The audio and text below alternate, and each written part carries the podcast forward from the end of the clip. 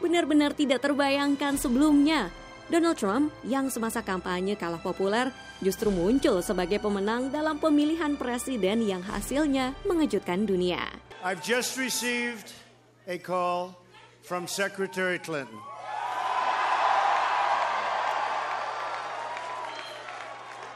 She congratulated us, it's about us, on our victory.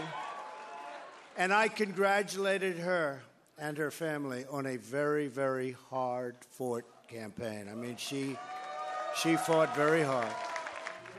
Dalam pidato kemenangannya, Trump langsung berupaya menyatukan rakyat yang terpecah belah. Now it's time for America to bind the wounds of division. Have to get together. To all Republicans and Democrats and independents across this nation, I say it is time for us to come together as one united people. Hillary Clinton sendiri tidak menyampaikan pidato kekalahan, namun dia dilaporkan telah menelpon Donald Trump untuk mengakui kekalahannya serta mengucapkan selamat.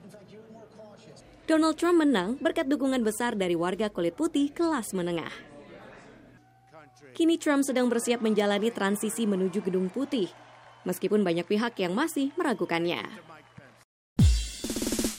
The Voice of America, VOA.